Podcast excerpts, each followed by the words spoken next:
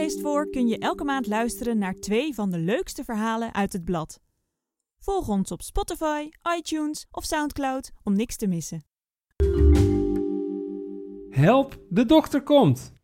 Huisartsen hebben een druk bestaan, vroeger ook, maar toen waren ze nog een stuk machtelozer dan nu.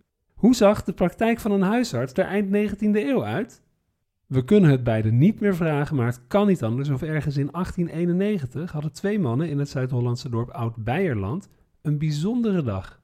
Allereerst was er de eigenaar van een penis met een groot bloemkoolgezwel erop. Een man natuurlijk, maar meer weten we niet van hem. Dan was er degene die de tumor had vastgesteld, huisarts Johan Hers. Van hem weten we meer, omdat zijn dagboeken bewaard zijn gebleven. Daarin valt te lezen dat hij een rigoureuze aanpak koos een amputatie van het geslachtsdeel. We mogen aannemen en hopen dat Hers zijn patiënt eerst verdoofde. Dat zal dan zijn gebeurd met chloroform, een bedwelmend middel dat in die jaren veel werd gebruikt. Het was een voorloper van ether en lachgas. Wat we verder van de operatie weten, is dat hij waarschijnlijk zal zijn voltrokken op de keukentafel. Dat was de locatie van talloze kleine chirurgische ingrepen die destijds door huisartsen werden gedaan, in plaats van zoals tegenwoordig door specialisten in ziekenhuizen. Wat we ook weten is dat huisarts Hers geen handschoenen of mondmasker droeg. Daar zag niemand toen het nut nog van in. Hij opereerde met blote handen, die hij gelukkig wel eerst waste. Ook zijn scalpel zou hij voor gebruik steriel hebben gemaakt. Dat we van alles weten van dorpsdokter Hers is te danken aan dagboeken die hij bijhield in de tijd van 1881 tot 1915 dat hij in Oud-Beierland werkte. De 5600 handgeschreven bladzijden zijn geanalyseerd door historicus Philip Perneel voor zijn promotieonderzoek in 2000 aan de Erasmus Universiteit Rotterdam. De dagboeken zijn unieke documenten, want er zijn weinig huisartsen uit die tijd die zo'n volledige inkijk gaven in hun dagelijkse bezigheden. Dat het er in de praktijk van een plattelandsdokter anders aan toe ging dan tegenwoordig, wordt op elke pagina duidelijk. Het wordt ook overduidelijk in Museum De Dorpsdokter in het Brabantse Hilvarenbeek. Daar hebben vrijwilligers werkelijk ontelbaar veel voorwerpen bijeengebracht uit de praktijk van dokters, apothekers, drogisten en vroedvrouwen uit het verleden. De dokterstas leek vroeger verdacht veel op een gereedschapskist. Met tangen, hamers, zagen en andere hardware die je nu bij een bouwmarkt zou halen. Dat had ermee te maken dat de huisarts vroeger ook een half medisch specialist was. En tandarts en verloskundige. Maar natuurlijk stond hij vaak machteloos, vertelt conservator Jan van Eyck, zelf een voormalig GGD-arts. Simpelweg omdat er te weinig kennis was van aandoeningen of omdat er nog geen middelen tegen bestonden. Eind 19e eeuw konden epidemieën van bijvoorbeeld de pokken, de mazelen, tyfus en tuberculose bijna ongehinderd voortrazen. Van Eyck zegt: Er zijn verhalen van dokters uit die tijd die na hun visite zaten te huilen in hun koets. Inderdaad, hun koets. 100 jaar geleden deed de plattelandsdokter zijn werk in een wereld waarin auto's en telefoons nog nieuwigheden waren. Was iemand op een afgelegen boerderij ziek, dan stuurde hij zijn knecht naar de woning van de dokter. Was het een spoedgeval, dan sprong de dokter op zijn paard. Hij had er twee, waarvan er altijd eentje vers was. Maar al te vaak was de dokter niet thuis omdat hij visites aan het rijden was. Daar bracht hij het grootste gedeelte van de dag mee door. Tientallen visites op een dag was heel normaal. Was hij op pad, dan nam zijn vrouw of een dienstbode de boodschap aan. Communicatie met andere artsen, die soms bij ingewikkelde gevallen te hulp werden geroepen, verliep per brief. Er konden dagen of weken overheen gaan voordat de assistentie er kwam. Een huisarts was 100 jaar geleden nog een echte aanhuisarts. Slechts in beperkte mate ontving hij patiënten op het spreekuur. In zijn woonhuis had hij daarvoor wel een aparte kamer, zegt Van Eyck, maar een wachtkamer was er vaak niet. Wachten deed je buiten of in de hal. Er zaten nog wel eens mensen met gênante klachten waarvoor je een dokter liever niet thuis liet komen, zoals geslachtsziekten. Van huisarts Hers in Oud-Beierland weten we dat hij zijn visites meestal te voet deed. Soms huurde hij een rijtuig, maar die kosten verhaalde hij dan weer op de patiënt. Het was niet ongebruikelijk dat mensen afzagen van medische hulp omdat het vervoer van de dokter te kostbaar was, schrijft onderzoeker Perneel. Niet dat de plattelandsdokter een welgesteld man was. Volgens Van Eyck mopperden ze allemaal over hun salaris. Mensen betaalden hun doktersrekening eens per jaar. Alleen het trekken van tanden en kiezen, ook een taak van de dokter, diende terstond te worden voldaan. Als een dokter rijk was, zegt Van Eyck, dan was dat meestal omdat hij met een rijke boerendochter was getrouwd. Het tarief van de dokter was een belangrijk obstakel om de dokter te laten komen. Mensen wachten daarmee tot het echt niet anders meer kon. Dat merkte ook dokter Hers.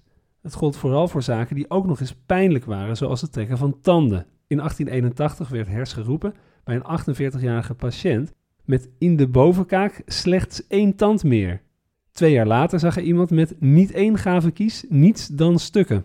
In 1891 trok hij bij een patiënte die al etmaal uit de onderkaak bloedde drie tanden uit, waarvan er twee omgeven zijn door een verbazende korst van tandsteen. Pas in de jaren 30 kreeg Oud-Beierland een echte tandarts.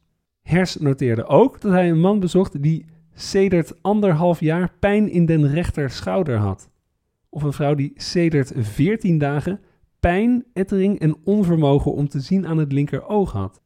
En een man die 15 weken eerder plotseling doof was geworden. Een ander liet de arts pas komen nadat hij al twee jaar hevige jeuk op de rug had.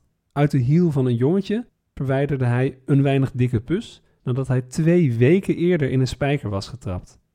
Zelfs bij doodzieke kinderen werd niet snel de dokter gehaald. Een kind lag al twee weken buiten bewustzijn toen Hers werd geroepen. Te laat, het kind stierf enkele dagen later. Als de huisdokter zich geen raad wist met een ziektegeval, dan was er nog één optie, de specialist. Daar waren er eind 19e eeuw nog niet veel van. In 1883 telde heel Nederland er 32. Ze zaten eigenlijk alleen in de grote steden. Maar mensen zochten het niet zo gauw hogerop, vertelt Van Eyck. Want dat was duur en het was gedoe.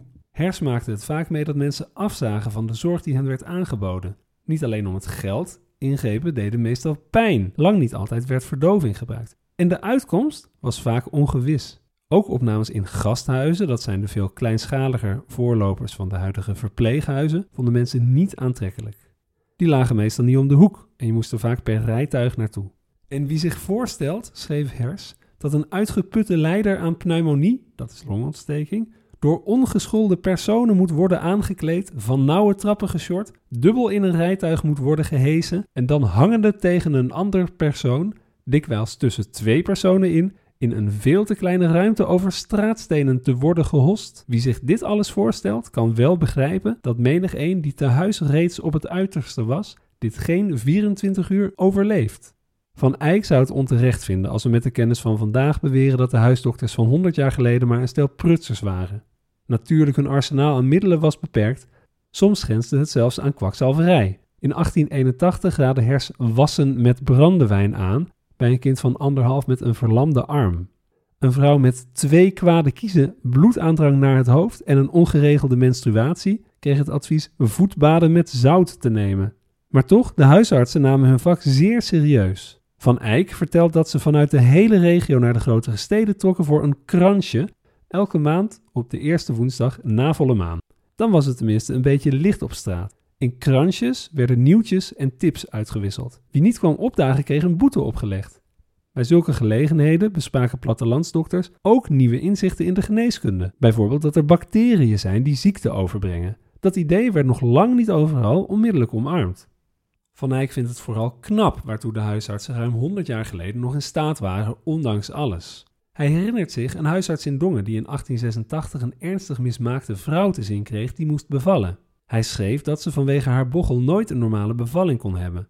Dan zou ze binnen een halve dag uitgeput zijn. Ik zeg dan petje af dat iemand in 1886 dat kan analyseren. Hij haalde er twee andere dokters bij en voerde een keizersnede uit. Die moest wel wachten tot de volgende ochtend, omdat het te donker was in huis. De vrouw kreeg met chloroform een roesje. De baby overleefde het. Daar sta ik dan helemaal versteld van.